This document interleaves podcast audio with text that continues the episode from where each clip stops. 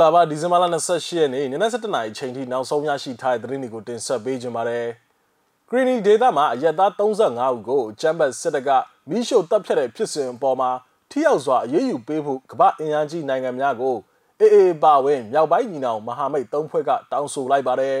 ။မူဆယ်မြို့မှာ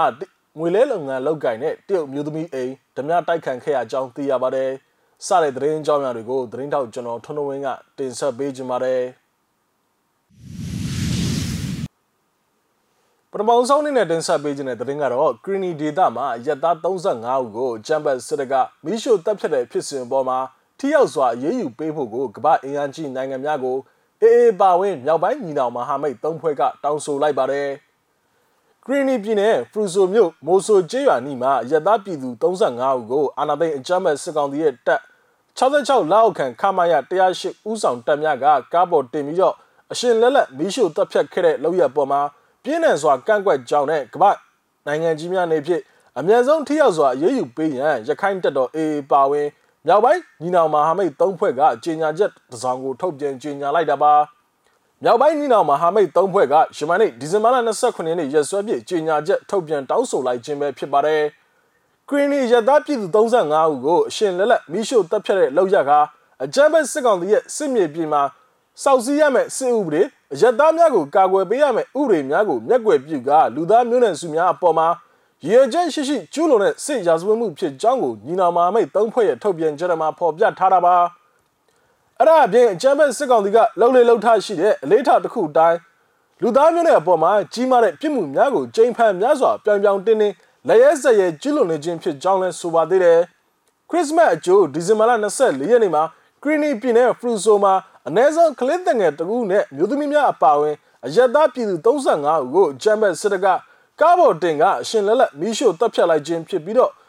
စစ်တဲ့ချေရွက်မှာဝန်ထမ်းနှုတ်ကလည်းပျောက်ဆုံးနေစေဖြစ်ကြောင်းသိရပါတယ်အဂျမ်ဘတ်စစ်ကောင်စီရဲ့မီးရှို့တပ်ဖြတ်မှုအပေါ်မှာထိုင်းလန်ကြောင်းနဲ့အမြန်ဆုံးစုံစမ်းစစ်ဆေးအရေးယူပေးရန်ကမ္ဘာကုလသမဂ္ဂအဖွဲ့အစည်းကလည်းနိုင်ငံတကာကိုတောင်းဆိုထားပါသေးတယ်။ ဆလဘီတင်ဆက်ပေးခြင်းတဲ့တင်ကတော့ရှမ်းပြည်နယ်မြောက်ပိုင်းမူဆယ်မြို့ကောင်းမှုလေရက်ကွက်မှာယမနေ့ဒီဇင်ဘာလ29ရက်နေ့ည9:00နာရီချိန်ကငွေလွှဲလုပ်ငန်းလုပ်ကင်သူတရုတ်မျိုးသမီးအိမ်ဟာဓမြတိုက်ခံခဲ့ရတယ်လို့မျက်မြင်တွေ့ရှိသူတွေကဆိုပါတယ်။တနက်ရှိကင်ထားသူအပါဝင်လူလေးဦးကဆိုပါနေတွင်းသို့ဝင်ရောက်ဓမြတိုက်ခဲ့ခြင်းဖြစ်ကြောင်းကို၎င်းကပြောဆိုပါတယ်။အရှိတလလားမသိဘူးပါတယ်။အိမ်ထဲကိုလေးယောက်ကြော်ပြီးဝင်လူသွားတာတနက်တစ်ချက်လဲဖောက်တယ်လို့၎င်းကဆိုပါတယ်။ မူဆယ်မြို့ရဲ့မြို့လေကောင်မှာငွေလဲလုပ်ငန်းလုပ်ကင်သူအမျိုးသမီးဓမြတိုက်ခံခဲမှုကလည်းဒီဇင်ဘာလ20ရက်နေ့ကဖြစ်ပွားခဲ့ပါသေးတယ်။မူဆယ်မြို့မှာလက်နက်ကင်အဖွဲ့အစည်းအများအများပြားရှိနေပြီးတော့တိုင်းသားလက်နက်ကင်နဲ့ပြည်သူ့စစ်အဖွဲ့များပေါင်းတဲ့အဖွဲ့အရေးအတွက်ဆယ်ကနန်းအထက်ရှိနေကြောင်းကိုမြို့ကန်တွေရဲ့ပြောဆိုချက်တွေအရသိရပါတယ်။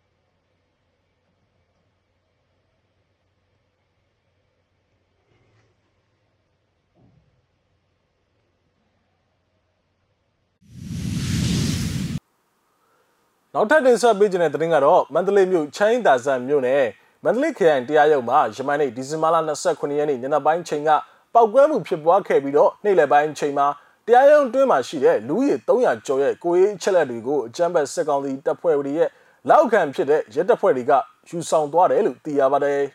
။ပောက်ကွဲပြီးမိနစ်20အတွင်းမှာအကြမ်းဖက်စစ်ကောင်စီလောက်ခံရဲများရောက်ရှိလာပြီးတော့စစ်ဆေးမှုများရှိခဲ့ကြောင်းရုံးထဲမှာရောက်နေသူ အချိန်တော်ကြာပိတ်မိနေခဲ့ပြီးတော့နေ့လယ်တနာရီမှအပြင်ထွက်နိုင်ကြောင်းကိုကိုယ်တိုင်ကြုံတွေ့လာရသူတွေကဆိုပါတယ်။တရားရုံးတွင်းမှာရှိတဲ့တာဝန်ရှိသူများနဲ့ပြည်သူများစုစုပေါင်းဥယျာဉ်300ကျော်ကိုတရားရုံးထဲမှာမထွက်မီနေ့လယ်တနာရီဝန်းကျင်အချိန်ထိတန်းစီခံပြီးတော့ကိုရေးချက်လက်များနဲ့ဓပုတ်များရယူသွားခဲ့ခြင်းဖြစ်ပါတယ်။ကျွန်တော်တို့မထွက်ခင်တိုင်လုံးကြီးတွေရှိတဲ့နေရာနားမှာတန်းစီခံပြီးတော့ကိုရေးချက်လက်တွေတရားရုံးကိုလာရတဲ့အကြောင်းရင်းတွေမေးပြီးဓပုတ်တွေရယူတယ်။လူတွေကများတော့အကြာကြီးစောက်လိုက်ရတယ်။ပြန်တော့လေဂိတ်ဝါတိ၁၀ယောက်တရွဲ လုံခြုံရေးပြည့်နဲ့လိုက်ပို့တယ်လို့ကိုတိုင်ကြုံတွေ့ရသူတူကဆိုပါတယ်။တရားရုံးဒုတိယဒက်စကြန်လမ်းမှာပောက်ကွဲခဲ့ဒီမှာမိုင်းသုံးမဟုတ်ချိန်ကင်ဘုံလို့ပြောဆိုနေကြပါတယ်။ကျန်တဲ့အထက်တွေအထိပါရန်ငွေတွေရတယ်။အတန်ကျဲချက်ကတော့ကို့ဘေးနာပေါက်သလားပဲ။ဇင်းကျန်လမ်းမှာတတ်ထားတဲ့ကင်မရာ CCTV တက်တဲ့ပေါက်တာမှန်နေကွဲတယ်လူအထိကြိုက်တော့မရှိဘူးလို့ပြည်သူတူကဆိုပါတယ်။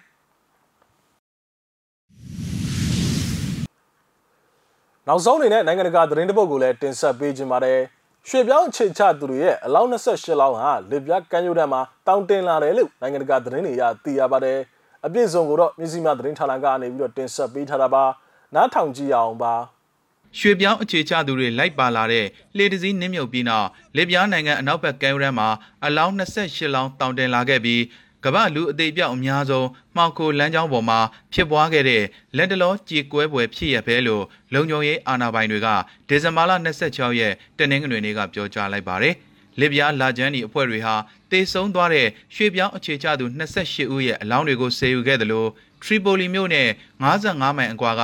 အဲအဲလူစကန်ဂျီရဲ့နေရာတစ်ခုမှာအသက်ရှင်ကျန်ရစ်သူ3ဦးကိုတွေ့ရှိခဲ့ကြတယ်လို့အဆိုပါသတင်းရင်းမြစ်ကဆိုပါတယ်။အလောင်းမှာတွေ့ရတဲ့ ဓာတ်ပြိုကွဲတဲ့ဖြစ်စဉ်တွေကိုကြည့်ရင်လွန်ခဲ့တဲ့၄-၅ရက်ကလှေမောက်ခဲ့တာဖြစ်နိုင်ကြောင်းနဲ့နောက်ထပ်လည်းတေဆုံးသူဥယျာဉ်မြင့်တက်လာနိုင်ကြောင်း၎င်းကဆိုပါတယ်ဆယ်စုနှစ်ကြီးစစ်ပွဲတွေနဲ့တရားဥပဒေစိုးမိုးမှုမရှိခြင်းတန်တွေလွှမ်းခြုံခဲ့တဲ့လစ်ပြားနိုင်ငံဟာအာဖရိကနဲ့အာရှကရွှေ့ပြောင်းအခြေချသူတွေအဖို့ဥရောပကိုရောက်ရှိရေးအပူတပြင်းကြိုးပမ်းရာမှာဆိုက်ရောက်ထွက်ခွာရာပင်မနေရာတစ်ခုဖြစ်လာခဲ့ပါတယ်။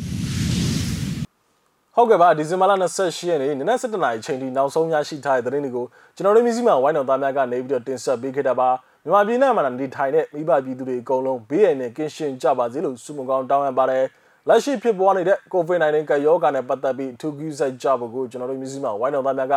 တိုက်တွန်းလို့ဆိုချင်ပါတယ်နောက်ထပ်ရရှိလာမယ့်သတင်းတွေအတူတူကျွန်တော်တို့ပြန်လာခဲ့ပါမယ်